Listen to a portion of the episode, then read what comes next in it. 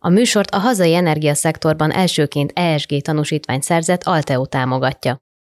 Köszöntöm a hallgatókat, sziasztok! Én Nagy Iván László vagyok, ez pedig az Ékaszt, a HVG fenntarthatósági podcastjának negyedik évadjának évadnyitója. Nagyon-nagyon köszönjük, hogy ennyien velünk tartotok most már lassan két éve, és ahogy már ebből a bevezetőből is érződik, valami újdonság, valami más van ahhoz képest, ahhoz a felvezetéshez képest, amit szoktunk csinálni, ugyanis rengeteg visszajelzést kaptunk tőletek a hallgatói kérdőiben, innen is szeretném nagyon-nagyon megköszönni azoknak, akik ezt kitöltötték, és a leggyakrabban azt említettétek meg, tényleg nagyon sokan, hogy tök érdekesek voltak a közéleti témák, de most már gyakorlati tippeket, tanácsokat és leginkább inspirációt kerestek arra, hogy hogyan lehetne a saját életeteket fenntarthatóbbá, zöldebbé tenni, és azt be kell lássuk, hogy valóban egy kicsit volt, ahol inkább rájátszhatod, mint sem megoldhatta a klímaszorongásotokat az, amikről beszélgettünk, azok a témák. És ami már abból a tényből is kiderül, hogy én már a második műsorvezetője voltam ennek a műsornak, az Zékasznak a sorait azért időről időre újra szoktuk rendezni, és ebben a negyedik évadban úgy éreztük, hogy elérkezett ennek ismét az ideje, úgyhogy nem is szaporítom a szót, köszöntöm a stúdióban Fajt Federikát, az Ékaszt új házigazdáját. Sziasztok, szia Iván, köszönöm a lehetőséget. Hát én köszönöm, hogy elfogadtad a felkérést a műsor vezetésére. Kérlek, mesélj arról, ami valószínűleg a hallgatókat is a legjobban érdekli. Hogyan kezdődött, mi a te kapcsolatod a fenntarthatósággal, Miért vállaltad ezt a kihívást az ékasz vezetésével? Röviden, mesélj magadra egy kicsit. A fenntarthatósággal való kapcsolatom elég régre nyúlik vissza, egészen a gyerekkoromig, ugyanis családomban nagyon fontos volt a természetnek a szeretete és tisztelete, és természetesen későbbiekben képeztem is magam a témában, és Hollandiában végeztem környezetvédelmet és vállalati fenntarthatóságot. Azóta pedig olyan projekteken dolgozom itthon, amik valamilyen szinten kapcsolódnak a környezetvédelemhez, vagy a társadalmi felelősségvállaláshoz. A mindennapokban most az ország első növényi alapú kantinját vezettem a Graphisoft Parkban, előtte pedig egy nemzetközi általános iskola létrehozásában vettem részt, ez a Real School Budapest, ami teljes mértékben a fenntarthatóságra alapul. És így jött létre a Plantin, mivel szeretünk volna az iskolának egy saját konyhát, hogy tudjuk a gyerekeket finom egészséges növényalapú ételekkel táplálni. Az étkeztetésen, táplálkozáson kívül mik azok a fenntarthatósági témák, amik szerinted a legfontosabbak, illetve mik azok a kérdések, amelyekről nem esik eleget szó? Az egyik veszőparipám, hogy szerintem a mai ember elfelejtette, hogy mi a különbség a szükségletei és az igényei között, és nagyon-nagyon nagy különbség van a között, hogy valamire vágyok, azért mert folyamatosan azt látom a környezetemben, pedig valójában nincs is rá szükségem. És mindennapi döntéseinkkel óriási mértékben tudjuk befolyásolni a fenntarthatóságot. Lehet, hogy nem veszük észre, de az, hogy mit vásárolunk, mikor vásárolunk, hol vásárolunk például, milyen ruhát, milyen élelmiszert, milyen eszközöket, azzal óriási hatással tudunk lenni az ökológiai lábnyomunkra, vagy a társadalmi tényezőkre. Az ékasz tehát a te vezetéseddel folytatódik innentől. Egy kicsit még én is itt maradok azért a képben. Az adások első részeiben minden második héten, ahogy eddig is keddenként, mi ketten fogunk most beszélgetni a közelmúlt és a közeljövő különböző fenntarthatósági híreiről, eseményeiről, témáiról, olyan dolgokról, amelyek összefüggenek az adás második részének a fő témájával, ami pedig azért az ékasz hagyományaihoz híven egy interjú lesz. Arról tudnál mesélni, hogy milyen interjúkkal és milyen más megközelítéssel készülsz erre az évadra? Számos izgalmas témával készülünk, de nagyon fontos volt idén számunkra, hogy a fenntarthatóság nem csak környezeti, hanem társadalmi, gazdasági és emberi jóléti aspektusait is behozzuk a podcastba.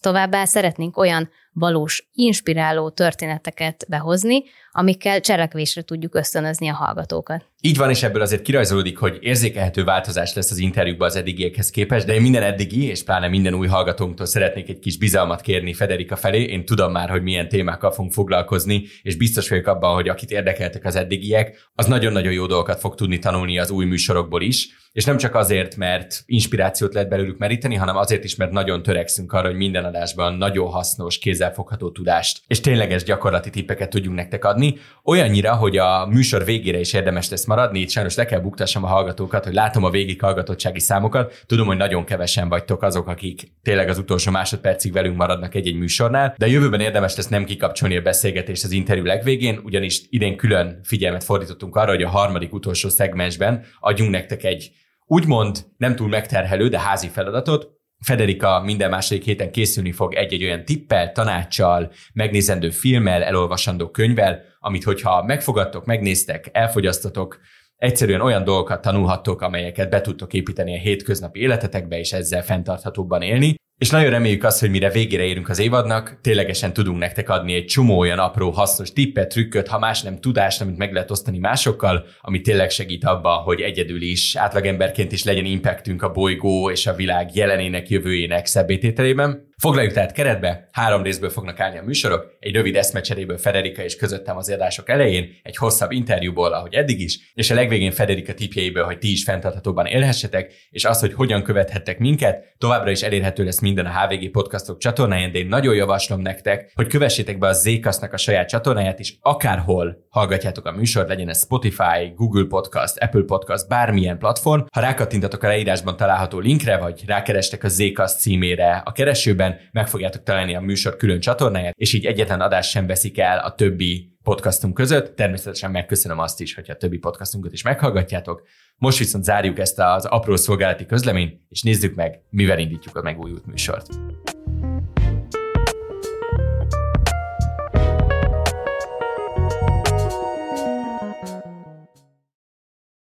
Itt is vagyunk, remélem mindenkinek tetszett az Zcast új betétdala, és ahogy az adás címéből is kiderült, a mai nagy fókusztémánk az a komposztálás lesz, de ezt egyel tágabban értelmezve azért az elmúlt hetekben, hónapokban rengeteget foglalkoztunk mi is a hvg.hu-n, és Unblock a közéletben a szerves hulladék kérdésével.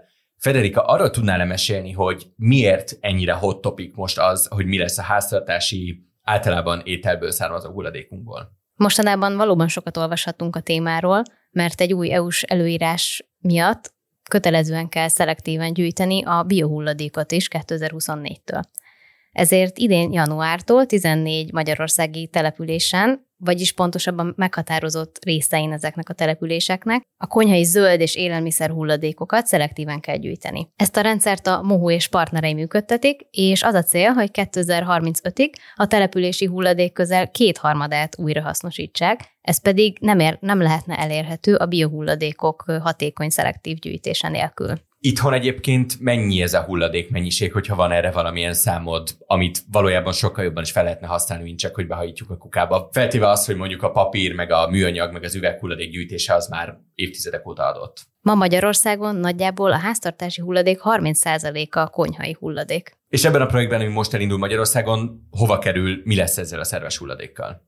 A terv az, hogy a konyhai zöld és élelmiszer hulladékokat elszállítják társasházakból, és ezek aztán biogáz üzemekbe kerülnek, ahol újrahasznosításra kerülnek, így hozzájárulnánk a körforgásos gazdaság kialakulásához, hiszen megújuló energiaforrás formájában áramot és főt tudunk előállítani ebből a hulladékból. Viszont nekünk volt még az előző előtti évadban azt hiszem egy körforgásos gazdasági útikalauzunk, mondjuk így, és abban gyakorlatilag le volt kódolva az, hogy az, hogy újra hasznosítsunk, az azt hiszem a hetedik lépés egyáltalán ebbe az egész folyamatban, és vannak sokkal közelebbi megoldások. Nekem ez az egész pilottal kapcsolatban tényleg az volt az egyetlen ilyen kérdésem, és nyilvánvalóan nem meglepetés, hogy miért az a mai adás főfókusza, amiért, hogy ebben a sztoriban van rengeteg szállítás, akkor utána feldolgozás, ahhoz energia, nyilván a szállításhoz energia, a szállításnak a kibocsátása, hogy nem lenne praktikusabb alapból egy olyan projektnek a bevezetése, ami lokálisan a komposztálás megoldását használja. Nagyon fontos témára világítottál rá. Valóban most sokan kritizálják ezt az egész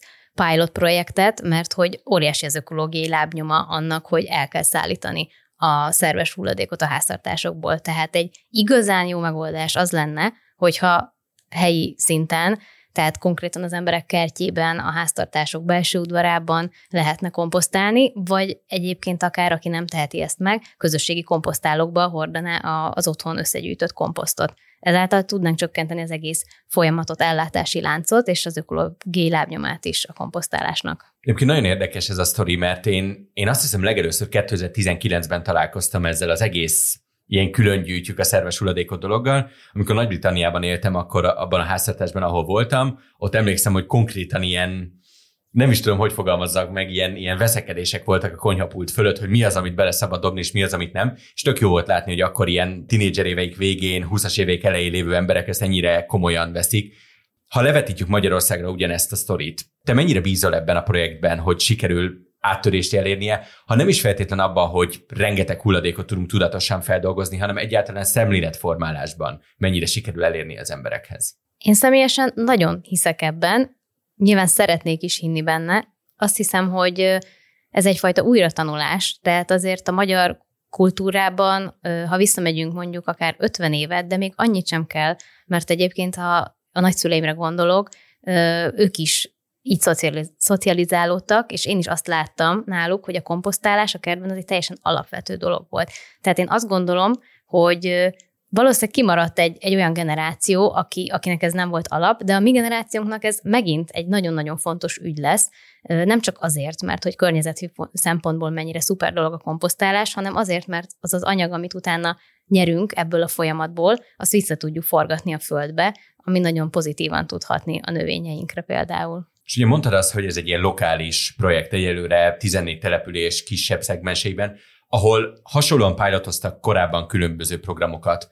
Ott milyen kézzelfogható eredményei voltak egy-egy ilyen projektnek? Egy nagyon érdekes példával találkoztam, történetesen Milánóban, ami egy elég nagy és nemzetközi város, körülbelül 1,4 millió lakosa van, és itt több ütemben vezettek be egy ilyen komposztálási programot, ami nagyon hasonló ahhoz a pilothoz, ami most Magyarországon elkezdődött, és ezt nem csak háztartásokban, hanem egyébként vendéglátóhelyeken és piacokon is bevezették, ami szerintem egy óriási dolog, tehát ezzel a volumenét a hulladéknak, az összegyűjtött hulladéknak sokkal jobban tudták növelni. És azt mondják, hogy ez a város a világ egyik pozitív példája ebben a projektnek a tekintetében, ugyanis ezáltal évente körülbelül 9000 tonna széndiokszidot tudtak megtakarítani.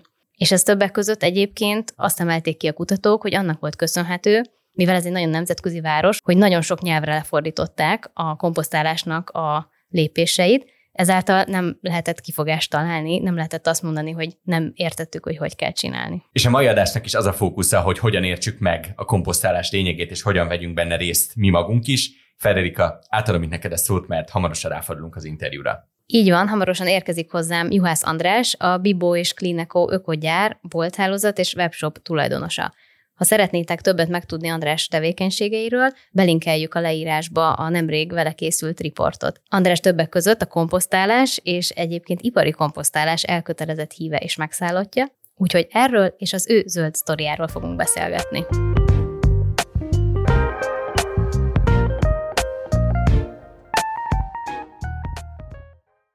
Itt van velem a stúdióban Juhász András. Köszöntelek! Jó napot kívánok, szervusztok! Ahogy az előző szegmensben említettem, hamarosan kötelező lesz megismerkednünk a háztartási hulladék tudatos kezelésével. Ennek viszont még egyel praktikusabb módja a mai beszélgetésünk fókusza, mégpedig a komposztálás. András, el tudnád mesélni, mit jelent a komposztálás, milyennek a folyamatnak a biológiája, és milyen előnyökkel jár ez? Uh-huh. Alapvetően egy, egy nagyon-nagyon egyszerűen működő biológiai folyamat, amihez ö, szerves hulladékra van szükség, és itt majd erre vissza is fogunk térni, hogy nyilvánvalóan nem akármilyenre. Megfelelő mennyiségű ö, levegőre, tehát friss oxigénre, ö, ez is egy nagyon fontos dolog, és a tippek, trükkök, praktikák résznél majd erről szintén beszélni fogunk. Páratartalomra, tehát megfelelő mennyiségű vizes közegre, páratartalomra, és a legfontosabb azokra a baktériumokra, amik maguk a, a bontási folyamatot elvégzik. Ugye ezek aerób baktériumok, tehát itt ö, veszélyes üvegházhatású gázok ö, nem keletkeznek, tehát például metángáz nem keletkezik, ö, széndiokszid és, és víz jellegű bomlástermékek jelennek meg. Tehát ö, abszolút szakmentes ö, maga az egész komposztálási folyamat ilyen formán. Hőmérséklet nagyon fontos, és ugye ez az, ami majd nagyban meg fogja különböztetni a háztartási és az ipari komposztálást. Itt rögtön rákapcsolódnék az egyik témára, amit felhoztál, hogy szagmentes, ugyanis rengeteg mítosz kering a komposztálással kapcsolatban, hogy egyrészt sokan azt hiszik, hogy nagyon bonyolult és félnek nekivágni, hogy ez sok időt fog igénybe venni, hogy nem fogják tudni pontosan mit, hogyan kell csinálni, mit kell mhm. beledobni, illetve az, hogy hát büdös lesz a lakásban Segítenél eloszlatni ezeket a mítoszokat? Azt mondtad, hogy a lakásban. Ugye, tehát hogy e helyből itt az a kérdés, hogy hol is akarunk komposztálni. Tehát én abszolút megkülönböztetném az általános komposztálási technikát, tehát azt, hogy a, a kertben egy kerti komposztálót létrehozunk, vagy akár ugye ugyanennek az industriális változata, ami ugye igen nagy méretekben történik, és azt, hogy milyen újfajta megoldások vannak arra, hogy háztartási körülmények között hogyan is lehet ö, komposztálni, tehát ezt a folyamatot hogyan lehet elérni, amihez ugye az imént említett megfelelő hőmérséklet, megfelelő páratartalom, megfelelő levegőmennyiség és a baktériumok jelenléte szükséges. Ha bárki is volt túrázni, és biztos, hogy volt, és mondjuk pont így ősszel, tavasszal járjuk az erdőt, akkor ott magának a lombnak, ami ugye ott lehulva ö, bomlik, annak van egy ilyen szaga, nekem illata. Egyébként én nagyon szeretem. Ugye ez a, ennek az aeró folyamatnak az illata egyébként, tehát ugye ezt, hogyha ha valakinek ez büdös, akkor, akkor igen, van szaga. Hogyha ezt valaki szereti, akkor ez, akkor ez oké. Okay. igazából ez az a ö, következő kérdés, hogy mennyire elszeparált az a környezet, ahol a komposztálódás zajlik, tehát ez egy zárt rendszer, mert ugye ilyen létezik, és erről majd fogok mesélni, vagy ez egy szabadtéri rendszer, ahol ez a szag ugye meg fog jelenni, és nagyon-nagyon fontos még egy kérdés, hogy tényleg komposztálódás történik-e? Mert hogyha például állati eredetű ö, szerves hulladékot helyezünk be egy klasszikus kerti komposztálóba, akkor ott nem a, a klasszikus korhadás, tehát komposztálódás folyamata fog elindulni, hanem a, a rothadás folyamata, ahol nem az aerób baktériumok jelennek meg, hanem azok a baktériumok, amik ezeket a gázokat elkezdik termelni, amiknek egyébként ilyen erős szúrószaga van. Vegyük végig szerintem, hogy aki nagyon szerencsés helyzetben van, és tud kültéren komposztálni, mivel van kertje, olyan társasházban él, ahol van egy közös kert, hogyan kezd neki, és, és mi, honnan tudja, hogy jól csinálta a komposztálást? Milyen eredményt kell látni a végén? Végtelenül egyszerű, és tényleg nem szabad túl bonyolítani, és talán a legegyszerűbb, legpraktikusabb és legszebb módja, és legértékesebb módja az organikus hulladékok újrahasznosításának a komposztálás, amihez elég egy, egy gyakorlatilag egy komposztáló keretet létrehozni. Lehet venni műanyagból ilyeneket a kertészeti üzletekben, és egyébként 20 ezer forinttól fölfelé méretfüggőben már, már gyakorlatilag kezdeti beruházásként el is lehet indulni ezzel. Nagyon fontos viszont az, hogy a komposztálásnak a, a legnagyobb trükkje a háztartási komposztálásnak, hogy forgatni kell a komposztot. Tehát valahogy hozzá kell tudnom férni, és mondjuk hetente, havonta, de legalább három havonta ezt meg kell forgatni ahhoz, hogy az egész belső rendszer, a komposztálási mag, tehát egésznek a, a, a kupacnak a közepe, az friss oxigénhez jusson. Na most ezek a műanyagból kapható ilyen zárt ládák gyakorlatilag, ezek nem igazán adnak erre lehetőséget, tehát azt úgy le kell húzni róla, vagy vagy ki kell bontani, és utána újra vissza kell pakolni. Ezért lehet, hogy még ennél egy sokkal egyszerűbb módszert javasolnék kezdetben, az pedig a, raklapból, vagy bármilyen fakeretből megépített komposztáló keret, ami ugye szemből bezárható, de oldalra le tudom venni mondjuk a szembe lévő raklapot, és akkor be tudok nyúlni egy, egy villával, vasvillával, vagy akár egy lapáttal is meg tudom forgatni a komposztot. Egyébként javasolnám a hallgatóknak, hogy monitorozzák az önkormányzat oldalát, ahol laknak, mert például, ahol én lakom, ott lehet mindig pályázni egy évben kétszer ilyen komposztáló keretre. Így van. És ez egy nagyon, hát egyrészt egy ingyenes, másrészt egy tényleg nagyon praktikus megoldása a kertben lévő komposztálásnak. Így van. És akkor jöhet a következő kérdés, hogy ugye mi kell hozzá, tehát ugye megfelelő hulladék. Itt egyből válasszuk külön, és szerintem a mai nap egyik legfontosabb, praktikus szempontból legfontosabb kérdése, hogy ugye mit tehetünk a komposztba be, és az organikus hulladékoknak milyen típusa van. Amit klasszikusan ismerünk, és eddig ugye komposztáltunk, azok a klasszikus kerti zöld hulladékok, ez lehet a levágott fű, az összegerebjézett lomb, vagy a különböző elhullott, elszáradt növényeknek a, a maradványai.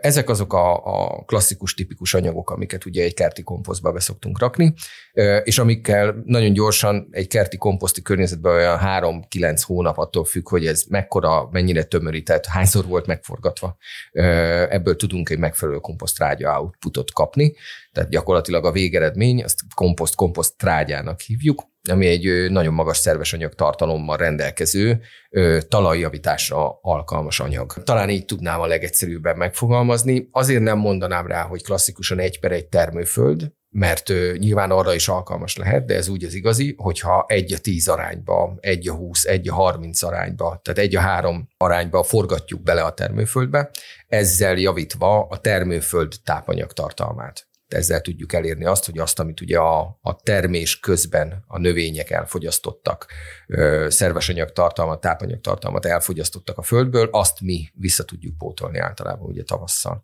Tehát ö, itt volt az első a kerti hulladék, és utána jön a következő lépés, ugye az a, a nagy irányelv, amit most az Európai Unió Green Europe programján belül ugye az egész Unióban próbálnak bevezetni, hogy el tudjuk érni azt, hogy már a konyhai hulladék, vagy annak egy része szintén a komposztba be tudjon kerülni. Itt például milyen alapanyagokra gondolunk?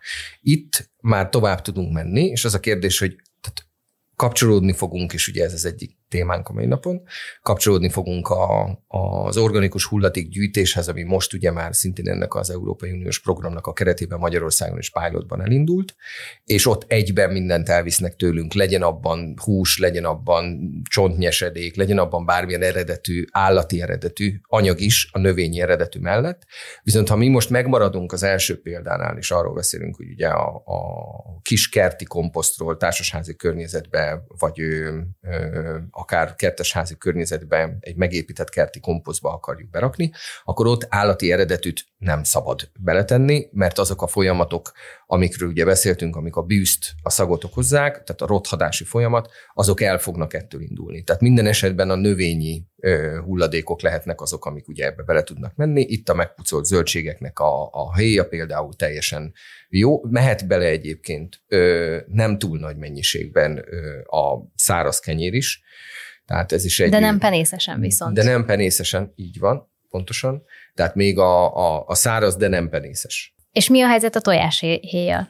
A tojáshéj még rendben van, tehát ugye az a, az, a, az a határeset kategória, amit még ugye be tudunk tenni a komposztba. Nyilván már maga a tojás, tehát hogyha a romlott tojás is benne van, az már nem igazán tesz jót. Tehát ott megint ugye a, a baktériumok el tudnak tenyészni. Én arra törekednék, hogy minden esetben válogassuk szét az, által, az állati és a, növényi eredetűt, és a növényi eredetűt próbáljuk meg betenni a komposztba a kerti zöld hulladék mellé. Tehát ugye itt akkor különítsük meg két, különítsünk el kettő organikus hulladék kategóriát. Az egyik kategória a kerti zöld hulladék, a másik a konyhai organikus hulladék, élelmiszer hulladék, és annak is növényi része. És mi a helyzet azokkal, akiknek nincsen kertje, akik társasházban, lakásban élnek? Hogyan tudják ezt ők elkezdeni? Érdemes nekik elkezdeni nehezebben, mint azoknak, akiknek van kertje? Igazából nem volt eddig lehetőség arra, hogy ő társasházi környezetben, akár már a lakáson belül, vagy akár közösségileg komposztálni tudjunk.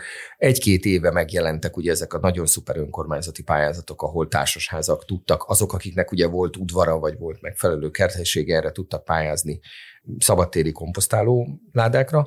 Viszont itt szintén nagyon fontos tudni, hogy nagyon nehéz háztartási környezetben profin elkülöníteni a növényit az állatitól, és olyat betenni, ami utána nem fog megrohadni. És, és ezért volt nem feltétlenül sikere ítélve az összes ilyen projekt. Ez akkor működik megfelelően egy társasházban, vagy legalábbis akkor is, akkor szűkül a hiba faktor, hogyha mondjuk a társasháznak a kertjében a megfelelő kerti hulladék az mondjuk egy 70-80 százalékos arányban van a lakásból kikerülő hulladékban, amiben nagyon tudatosan gyűjtöttek a lakásban, és nem került bele a különböző állati eredetű, vagy éppen a főtétel megmaradt főtétel, ami ugye szintén legtöbb esetben tartalmaz állati eredetű anyagokat. A jelenlegi elszállítási rendszer, aminek ugye a pilotja zajlik, és bevezetés alatt van, és reméljük, hogy ugye az egész országra bevezetésre kerül az év végére, és sikeres lesz ez a pilot. Itt már ugye az a cél, hogy egyszerűen csak a, a konyhai organikus hulladékot egyben vegyesen össze tudjuk gyűjteni, az eljusson a társasháznak a a központi gyűjtőpontjáig, tehát addig a nagy hulladékgyűjtőig, és onnan tovább legyen szállítva, tehát ott már nem kell megkülönböztetni, mert itt egy másik újrahasznosítási ö, folyamat fog lezajlani, az pedig ugye a, a biogáztermelés, ahova szintén az állat és a növényi egyszerre tud bemenni. És hogyha valakinek kertben vagy akár társasházban sikerül komposztálnia most nem az új rendszerben, nem az új rendszer tekintve, hanem egyébként saját komposztálóval, akkor milyen eredményt kell látni, honnan fogja tudni, hogy az az anyag, ami ott létrejött, az jó, és egyébként ez, ezt mire fogja tudni felhasználni? Egy ránézésre már ö, száraz, tehát kisebb nedvesség tartalmú, semmiféleképpen nem ö, büdös, tehát egy, egy természetes termőföld illatú anyagot kéne tudnunk megkapni, ami abszolút porhanyós, tehát nagyméretű darabokat már nem tartalmaz, vagy nagyon kis százalékban, 10-20 százalékban tartalmaz nagyobb méretű darabokat, de akkor azoknál a daraboknál tudjuk, hogy még nem zajlott le a teljes folyamat. Tehát a termőföld jellegű porhanyós anyagot, száraz porhanyós anyagot, anyagot kell tudnunk kapni, és ezt az anyagot kell tudnunk beforgatni, vagy rá szintezni magára a termőterületen. Na most itt megint itt már agrárnál vagyunk, és akkor itt biztos, hogy nagyon sokan ciszennek föl a, a forgatásos földművelésre, mert ugye a, az egyik legnagyobb üvegházhatású gáz kibocsátást azt a, a, a forgatásos földművelés is okozza. Tehát itt ugye azt csináljuk, hogy a, a nekrofil baktériumok, amik ugye a gáztermelő baktériumok, amik egyébként élnek a termőföldben már 20-30 cm mélységtől lefelé, ha őket kiforgatjuk, akkor ott azzal együtt kiforgatunk bizonyos mennyiségű gázt is. Másik oldalról meg ugye nagyon sokan ugye az új vonalas mezőgazdaságban már nem a forgatásos földművelés irányába mennek, hanem azt mondják, hogy ezekkel a természetes talajjavító anyagokkal legyen ez például a komposzt, ezekkel egyszerűen meg kell szintezni, tehát rá kell teríteni a termőföld területre, és a természet megint ugye megoldja a problémát, tehát gyakorlatilag beülepedik az anyag, vagy éppen az esővízzel, vagy az öntözővízzel együtt bemosódik a, a, a megfelelő szerves anyag tartalom a, a földben. Nem bontjuk meg a, a földnek az összetételét, például ott abban benne élő mikroorganizmusokat, vagy akár a miceliumot, ami ugye megint a következő, következő podcast lehetne, hogy ugye hogy épül fel egy termőföld, ugye azt a micelium hálózatot, ami egyébként a, a tápanyagot, tartalmat akár képes elszállítani ugye a termőföldön belül A pontból B pontba is. És hogyha visszatérünk egy kicsit a háztartási szintre, és valaki például sikeresen komposztált, és, és elég sok komposztot uh-huh. termelt, úgymond fél egy év alatt, akkor, uh-huh. akkor akár fel tudja használni például a szobanövények ápolására, fejlesztésére, uh-huh. vagy, vagy esetleg a kertjében, a fák köré helyezve, vagy esetleg akár tudja valahova beküldeni, amiért cserébe mondjuk kap anyagi támogatást, vagy... Uh-huh. Háztartási környezetben picit másképp működik, és akkor kezdem a, a virágoknál például. Tehát általában a, a, a komposztokat ugye beforgatni szoktuk. Ez azért fontosabb például háztartási környezetben, mert a, a zárt, zártabb környezetben sokkal nagyobb mennyiségben vannak jelen, és ez egy érdekes kutatás, a, a levegőben mozgó gombaspórák. Na most, ha megnézzük a, az országnak a pollen térképét, akkor ott látni fogjuk, hogy az ország 90%-a pirossal jelölt fedett ezzel, a, ezzel az iszonyatos mennyiségű gombaspórával. Na most ezek amúgy folyamatosan jelen vannak a levegőben. Ha és amennyiben egy ilyen zárt környezetben, ahol esetleg még ugye egy háztartásban egy, egy, egy kellemes párás levegő is van, és mi a komposztot csak rátesszük a tetejére a termőföldnek, akkor azon kettő-három nap alatt látni fogjuk, hogy eltenyészik ez a fehér, gyakorlatilag fehér penészgomba. Ö, ami nem feltétlenül baj, nem is feltétlenül jó, de nyilván nem szeretjük látni. Úgyhogy innentől kezdve fontos az, hogy magát a, a szerves anyag tartalmat és a komposztot juttassuk be a földbe, tehát tehát össze kell keverni. Össze kell keverni az átültetésnél. Így uh-huh. van, tehát az átültetésnél mondjuk egy tavaszi ciklusban nekiállunk ugye átültetni a, dísznövényeinket, akkor lehet bekeverni. A klasszikus kerti komposzt esetében akár 30-40 százalékban be lehet keverni ugye termőföldbe, ezzel ugye pótolva a szerves anyagtartalmat. Ugyanez mm, társasházi környezetben, ha a társasháznak volt vagy van ugye kertje, nehogy Isten disznövényei, cserjéi, tujái, bármilyen fái, akkor azok alá be lehet tenni. Itt elég csak oda halmozni, nem is feltétlenül kell ezt beforgatni. Azok, akik pedig a, a földforgatás, felásás pártiak, ők pedig ugye az ásás közben szokták beforgatni ezt az anyagot. Itt ugye már beszélhetünk a hobbi kertről, tehát a háztartási veteményes kertről akár, vagy, vagy egyéb kis kerti projektekről. És egyébként te hogy látod, mennyire elterjedt a komposztálás ma Magyarországon, akár ö, lakásszinten, kertszinten? Szerintem egyre inkább, és, és nagyon szuper, hogy ez a trend, ez, ez egyre, egyre nagyobb teret hódít. Viszont ez megint az információ megosztáson múlik szerintem, és ezért nagyon szuperek ezek a projektek, ami például a, a tiétek is, és hogy ilyen podcastokon keresztül ott oszthatjuk meg egymással az információt ennek a fontosságáról. Mert ugye maga a komposztálás, ami egyébként egy újrahasznosítás, annak a másik lába az én nézőpontomból az a pazarlás. És a pazarlásnak a megszüntetése. Tehát jelenleg nem tekintettük értékes, vagy ez idáig nem tekintettük értékes anyagnak.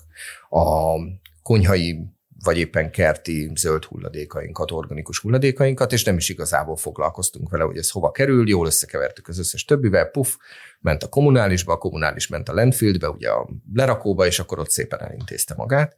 Miközben ugye ezek baromi értékes anyagok. Az egyik oldalról nagyon jó látni azt, hogy egyre tudatosabban vásárolunk, és egyre tudatosabban használjuk föl a megvásárolt anyagokat, termékeket, élelmiszereket, csökken a kidobott mennyiség, amiben sajnos ugye Magyarország az Európai Unión belül is abszolút rekorder volt, tehát 30% fölött 30-40% volt a pazarlás, tehát a megvásárolt élelmiszerek, amik egyébként a kukába landoltak. Ez ugye egy borzasztó szám. Nagyon sok esetben ugye hát a, a gazdasági körülmények is abba az irányba terelték a, a fogyasztói közönséget, hogy egyre kevesebbet pazaroljanak. Másrészt ugye megjelent a tudatosság, ami ugye ennek a pozitív oldala, hogy egyre inkább tudatosan kezdtünk el vásárolni, így egyre kevesebb hulladék keletkezett, de közben ugye ez a fenntarthatósági trend már rámutatott arra, hogy az a kevés is, ami megvan, az egy értékes anyag. És ne tekintsünk rá hulladékként, ami ugye az értéktelen anyag, hanem tekintsünk rá egy, egy újra hasznosítható értékes anyagként, próbáljuk meg valahogy összegyűjteni. Erre szolgál ugye a szelektív hulladékgyűjtés, ami ugye Magyarországon is fokozatosan most már bevezetése kerül.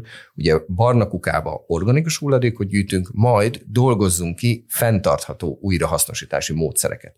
És ugye itt is hát nem lehet azt kijelenteni, hogy százszázalékos és tökéletes megoldások születtek már erre, de például a biogáz, mint biogáz termelés és az organikus, akár állati eredetű hulladékoknak a feldolgozásában a biogáz üzemek jelenleg nagyon szépen működnek. Nézzük meg egy kicsit a vállalati oldalt, eddig lakossági, magánember szinten vizsgáltuk a témát inkább.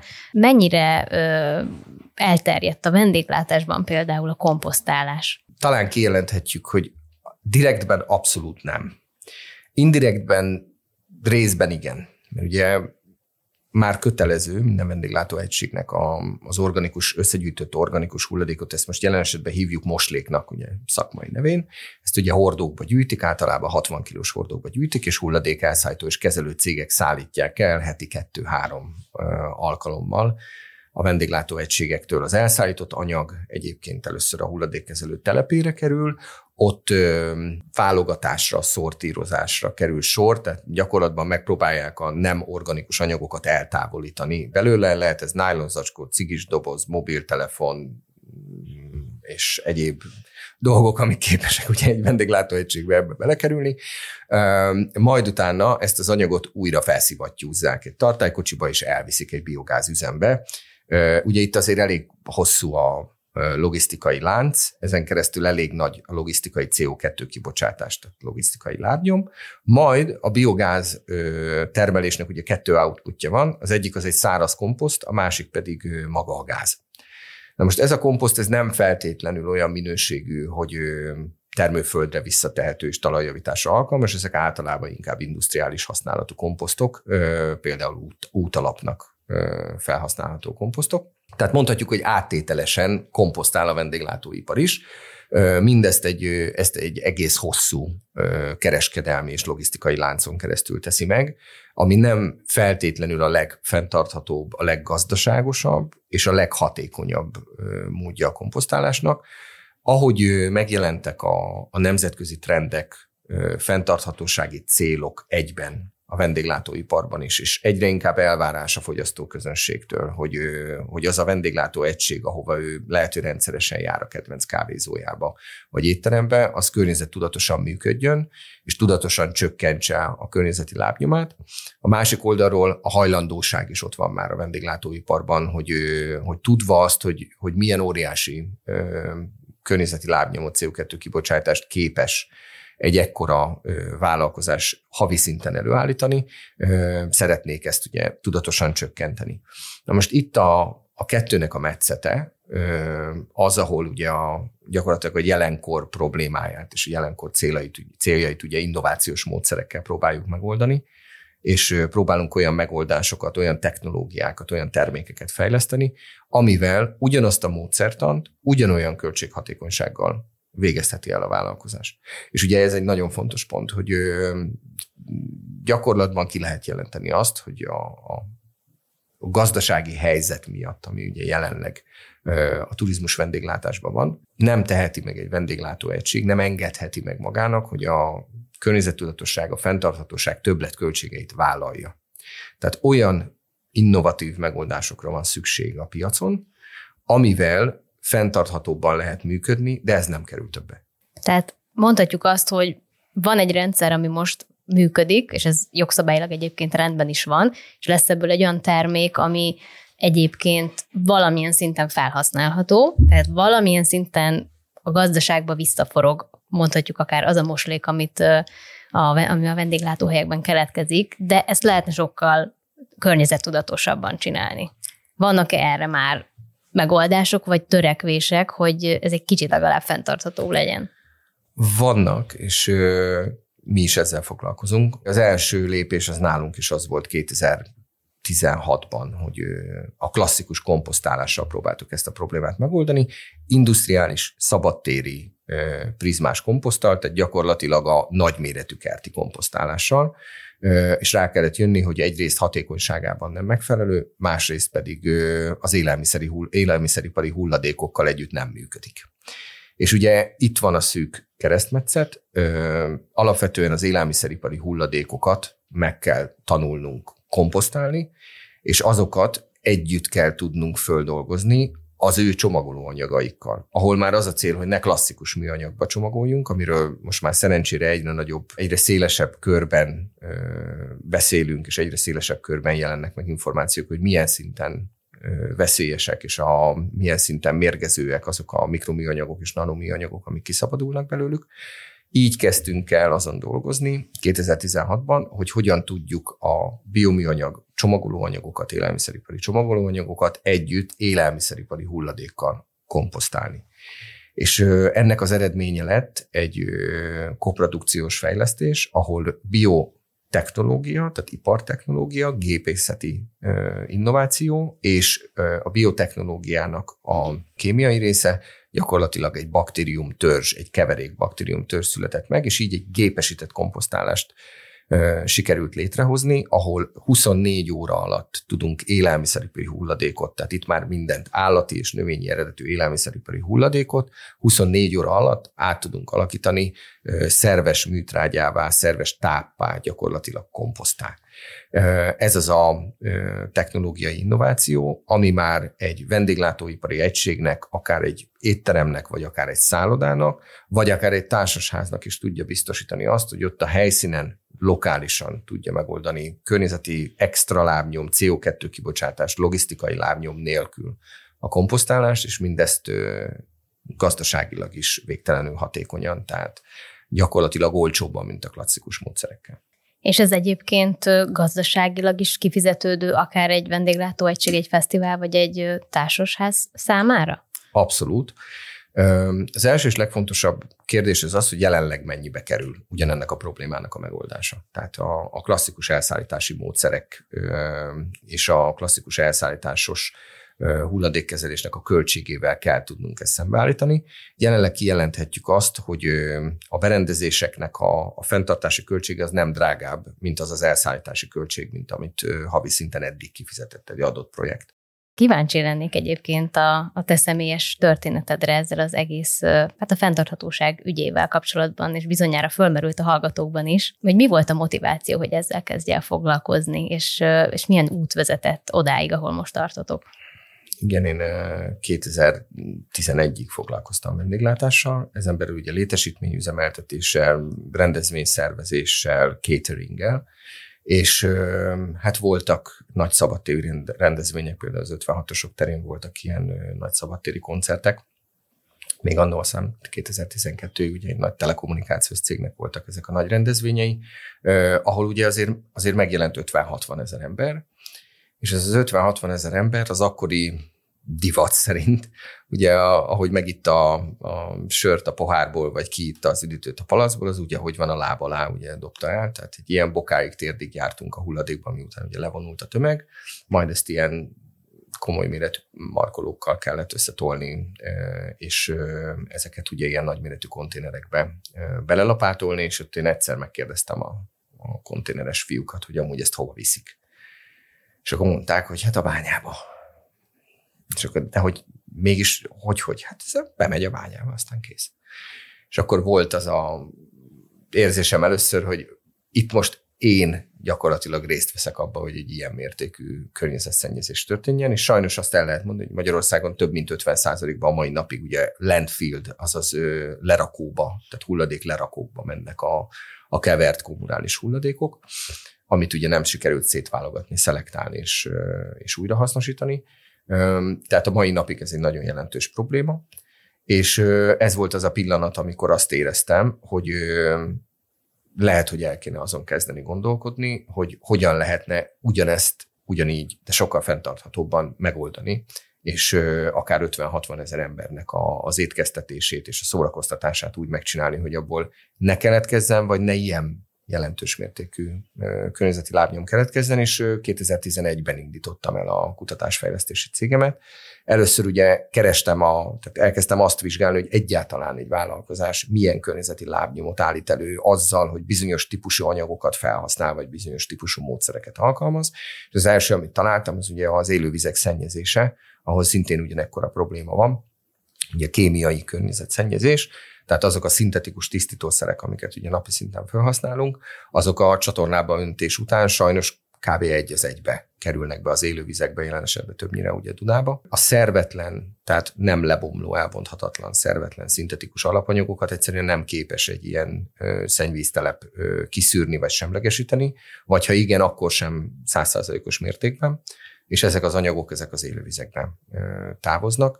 Úgyhogy az első feladatnak azt tekintettem, hogy, hogy ezt megoldjuk, és száz százalékban organikus, tehát növényi eredetű alapanyagokból kezdjünk el professzionális, erős, hatékony tisztítószereket gyártani, és ezt követte utána lépésről lépésre az összes többi kapcsolódó termék, amikor ugye rájöttünk arra, hogy hogy ugyanez a probléma ott van például a papírtermékek esetében, ahol lehet újrahasznosított papírból dolgozni, és nem 100% cellulózból, ami ugye sokkal fenntarthatóbb. Jött a következő lépés a, a műanyag termékek, hulladékkezelési termékek, ahol első körben 100%-ban újrahasznosított műanyagból kezdtünk el hulladékzsákokat gyártani, majd a piacra vinni, és ezt folytatták a, a technológiai megoldások, tehát például takarítóeszközök, és, és ezután jött az a kérdés, hogy megoldottuk az egyik problémát, a beltartalom az teljesen fenntartható ökó, de ott van a csomagolás, ami ugye a környezeti lábnyomnak nagyságrendileg a, a 70%-át teszi ki. Tehát a, a csomagolást kell megoldani. És akkor 2013-ban elindult egyrészt a Zero Waste program, elkezdtünk visszagyűjteni minden csomagolóanyagot, ami a kiürült termékeink után keletkezett, és elkezdtünk nem hulladékként tekinteni ugye a kiürült csomagolásra, hanem ezeket visszagyűjteni, és utána ezeknek az újrahasznosítását újra mosáson, tisztításon és újratöltésen keresztül ugye visszavinni a, a, a termelési áramba, a mai napra most már ilyen 54 százalék fölött vagyunk, tehát minden 10 kannából legalább 5 kannát például az 5 literes termékek esetében sikerül visszagyűjteni és, és visszaterelni a gyártási áramba. Viszont jött az a nagy kérdés, hogy hogyan lehet ezt háztartási környezetben megoldani, amikor tudjuk, hogy sajnos Magyarországon nagyon nagy törekvések vannak, és nagyon-nagyon nagy előrelépések vannak a szelektív hulladékgyűjtésben és az újrahasznosításban, de még mindig 80-90 százalék pluszban ezek a csomagoló anyagok, palackok például a kommunális hulladékban végzik, azon keresztül pedig több mint 50 százalékban a lerakóban végzik. Tehát az első feladatnak azt tekintettük, hogy azt oldjuk meg, hogy ha és amennyiben ez így fog történni továbbra is, akkor egy olyan anyag kerüljön a lerakóba, ami nem okoz környezeti károkat, tehát megint ugye növényi szerves eredetű, természetes alapanyagokból gyártott csomagolóanyagokat kell tudnunk előállítani, ezt most már ugye bioműanyagnak hívjuk.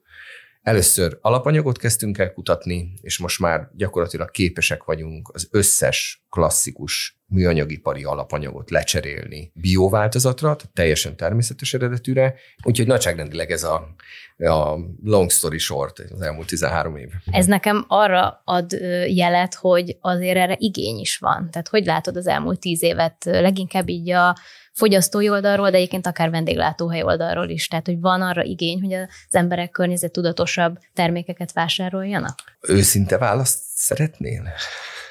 Oké, okay. akkor mondom az őszinte választ. 2021-ig azt mondanám, hogy nem az volt a tendencia, és talán a mai napig sem az a, az abszolút stratégiánk, hogy a fenntarthatósággal vagy a környezetvédelmi szempontjainkkal próbáljuk meg az értékesítést és a piaci népszerűsítést elvégezni. Nekem az az álláspontom, hogy a, a fenntarthatóságnak kettő lába van. Az egyik az, hogy gazdaságilag legyen fenntartható egy termék, a másik pedig az, hogy környezetvédelmileg és egészségügyileg legyen fenntartható egy termék. Ezzel ugye azt mondjuk, hogy nem háríthatjuk a fenntarthatóság esetleges többletköltségét rá a felhasználóra. Tehát magának a terméknek, amit ugye egy innovációs cégnek, mint ugye nekünk le kell tudnia gyártani, környezetbarátnak kell lennie, fenntarthatónak kell lennie, de nem lehet drágább, mint a jelenleg használt nem fenntartható megoldás, a szintetikus anyagból készült ö, termékekkel szemben. Erre azért elég kicsi az esély, ugye, mert ugye kettő négy, sokszor hatszoros alapanyagköltséggel dolgozunk a szintetikus alapanyagokhoz képest. Tehát ugyanaz az alapanyag, a szintetikus kerül 100 forintba, akkor nálunk az 2, 4, 600 forintba kerül. De mégis ezt a problémát meg kellett oldani, és már az indulás pillanatában be kellett látni azt, hogy a jelenlegi kereskedelmi rendszer, amivel működik a világ, ami egy kereskedelmi lánc, és ugye mindig ellátási láncnak hívjuk ezt, hogy az, az ellátási lánc, ez gyakorlatilag egy elavult módszer, és fenntarthatatlan. Mert ugye mi történik? A nagy multibrand termékek, amiket ugye 70-80 százalékban megvásárolunk az üzletekben, azok úgy kerülnek az üzletek polcaira, hogy az európai disztribútor átadja a magyarországi disztribútornak, a magyarországi disztribútor a nagykereskedőnek, aki átadja a kiskereskedőnek, ő neki van egy területi képviselő, aki bemegy a boltba és eladja. Nagyságrendileg 6-7 lépéses kereskedelmi láncon keresztül kerülnek el az üzletbe, az üzleten keresztül pedig a végfelhasználóhoz a termékek és ez a 6-7 lépés, ez minimum plusz 100-150 százaléknyi extra ár és tartalmat tartalmaz magába, ami semmi más, mint a kereskedelmi láncnak az ellátása, a fenntartása ennek a vízfejnek. Azt kellett ö, innovációs célnak a legelején kitűzni, hogy nekünk gyártóként közvetlenül el kell tudnunk látni a végfelhasználót. Ipari szektorban ez teljes egészében megvalósítható, és maximum egy plusz lépésben, tehát kereskedelmi, háztartási, drogéria, kereskedelmi láncokon keresztül max. egy lépésben a végfelhasználót, háztartási végfelhasználót. És ö, hogy itt most akkor válaszoljak a kérdésedre, alapvetően gazdaságilag fenntartható, a termék, ez az első lépés, amit meg kell tudnunk mutatni a felhasználóknak, és utána azt, hogy környezetvédelmileg is fenntartható, és hogyha hozzánk tudnak ők kapcsolódni, és a termékeinket tudják használni, azzal mindenféle módszertanváltás nélkül, többletköltség nélkül, extra idő nélkül tudnak fenntarthatóbbak lenni. Köszönjük, hogy megosztottad a történeteteket. Végezetül mindenképpen szeretnék tőled kérni egy záró zöld tanácsot, amit a hallgatóinknak üzennél, fenntarthatóság, de akár egészen konkrétan hulladékkezelés vagy komposztálás témájában? Szerintem a, a, legfontosabb az a, az értékes idő, amit arra áldozunk, hogy minél többet tudjunk meg magáról a fenntarthatóságról és a gyakorlati módszerekről, a, az életünk, az életvitelünk, az életvezetésünk, vagy éppen a, a vállalkozás menedzsmentünk minden területén. És talán az lenne a tanács, hogy ezt utána beszéljük is meg egymással, és osszuk is meg egymással, és beszéljük, essünk egymással minél többet fenntarthatóságról. Én úgy gondolom, hogy a, a, az út az, az nagyon jó, amin, amin elkezdett elindulni most már a világ. Talán nem késő, de egyértelműen a tudásmegosztás és az információ csere az, ami biztosíthatja, hogy minél több vállalkozóhoz, vagy minél több háztartáshoz eljuthasson az, hogy milyen fenntartható módszerekkel zöldíthetjük az életünket, és biztosíthatjuk azt, hogy ez a bolygó minél több áll fennmaradjon. Köszönöm, András. Köszönöm szépen én is. Rengeteg hasznos tippet kaptunk már Andrástól, de úgy gondolom, hogy van még egy téma, amiről itt muszáj beszélni. Komposztálás valóban egy remek megoldás a konyhai hulladék mennyiségének a csökkentésére, meg annak a ökológiailag okos felhasználására, Viszont a hulladék már akkor keletkezik, amikor megvesszük és túlhasználjuk, kidobjuk. Tehát mi lenne, ha máshonnan közelítenénk meg ezt a témát, és elgondolkodnánk azon, hogy valóban szükséges-e annyi terméket vásárolnunk, főznünk, hogy aztán az egyharmadát kidobjuk. Ugyanis hoztam egy nagyon érdekes adatot a témában. Világszerte az előállított élelmiszer 40%-a el sem éri a boltok polcait, és ezt mi még otthon tovább fokozzuk azzal, hogy nagyjából a megfőzött ételek vagy a megvásárolt alapanyagoknak az egy harmadát kidobjuk. Ha ezt egyéni szintre leszeretnénk hozni, akkor ez azt jelenti, hogy az összes hulladékon túl, amit egyébként is termelünk és kidobunk a kommunális műanyag és papírkukába, még pluszban 60 kg élelmiszer hulladékot is termelünk. Úgyhogy annak érdekében, hogy mindannyian egyéni szinten tudjuk ezt a 60 kg-ot csökkenteni, hoztam egy filmet a témában, ez pedig a Wasted, The Story of Food Waste. Ez egy dokumentumfilm, amit online bárhol el tudtok élni, de szívesen belinkeljük itt a leírásba. Illetve egyébként Magyarország szinten mindenképp javasolnám a Nébik maradék nélkül programját, ahol rendkívül érdekes adatokat és hasznos tippeket találtok a témában. Ezt is természetesen belinkeljük a leírásba. Nézzétek meg a filmet, lessétek meg az oldalt, jelezzetek nekünk vissza, nyugodtan kérdezzetek a témában, és én azt javasolnám nektek, hogy próbáljatok meg legalább heti egyszer, ha nem többször, egy maradékmentő fogást elkészíteni, hogy csökkenteni tudjuk azt a 60 kg-ot. Most pedig búcsúzom tőletek, köszönöm a figyelmet, remélem értékesnek találtátok a mai témát és beszélgetést, találkozzunk két hét múlva. Sziasztok! A műsort a hazai energiaszektorban elsőként ESG tanúsítványt szerzett Alteo támogatta.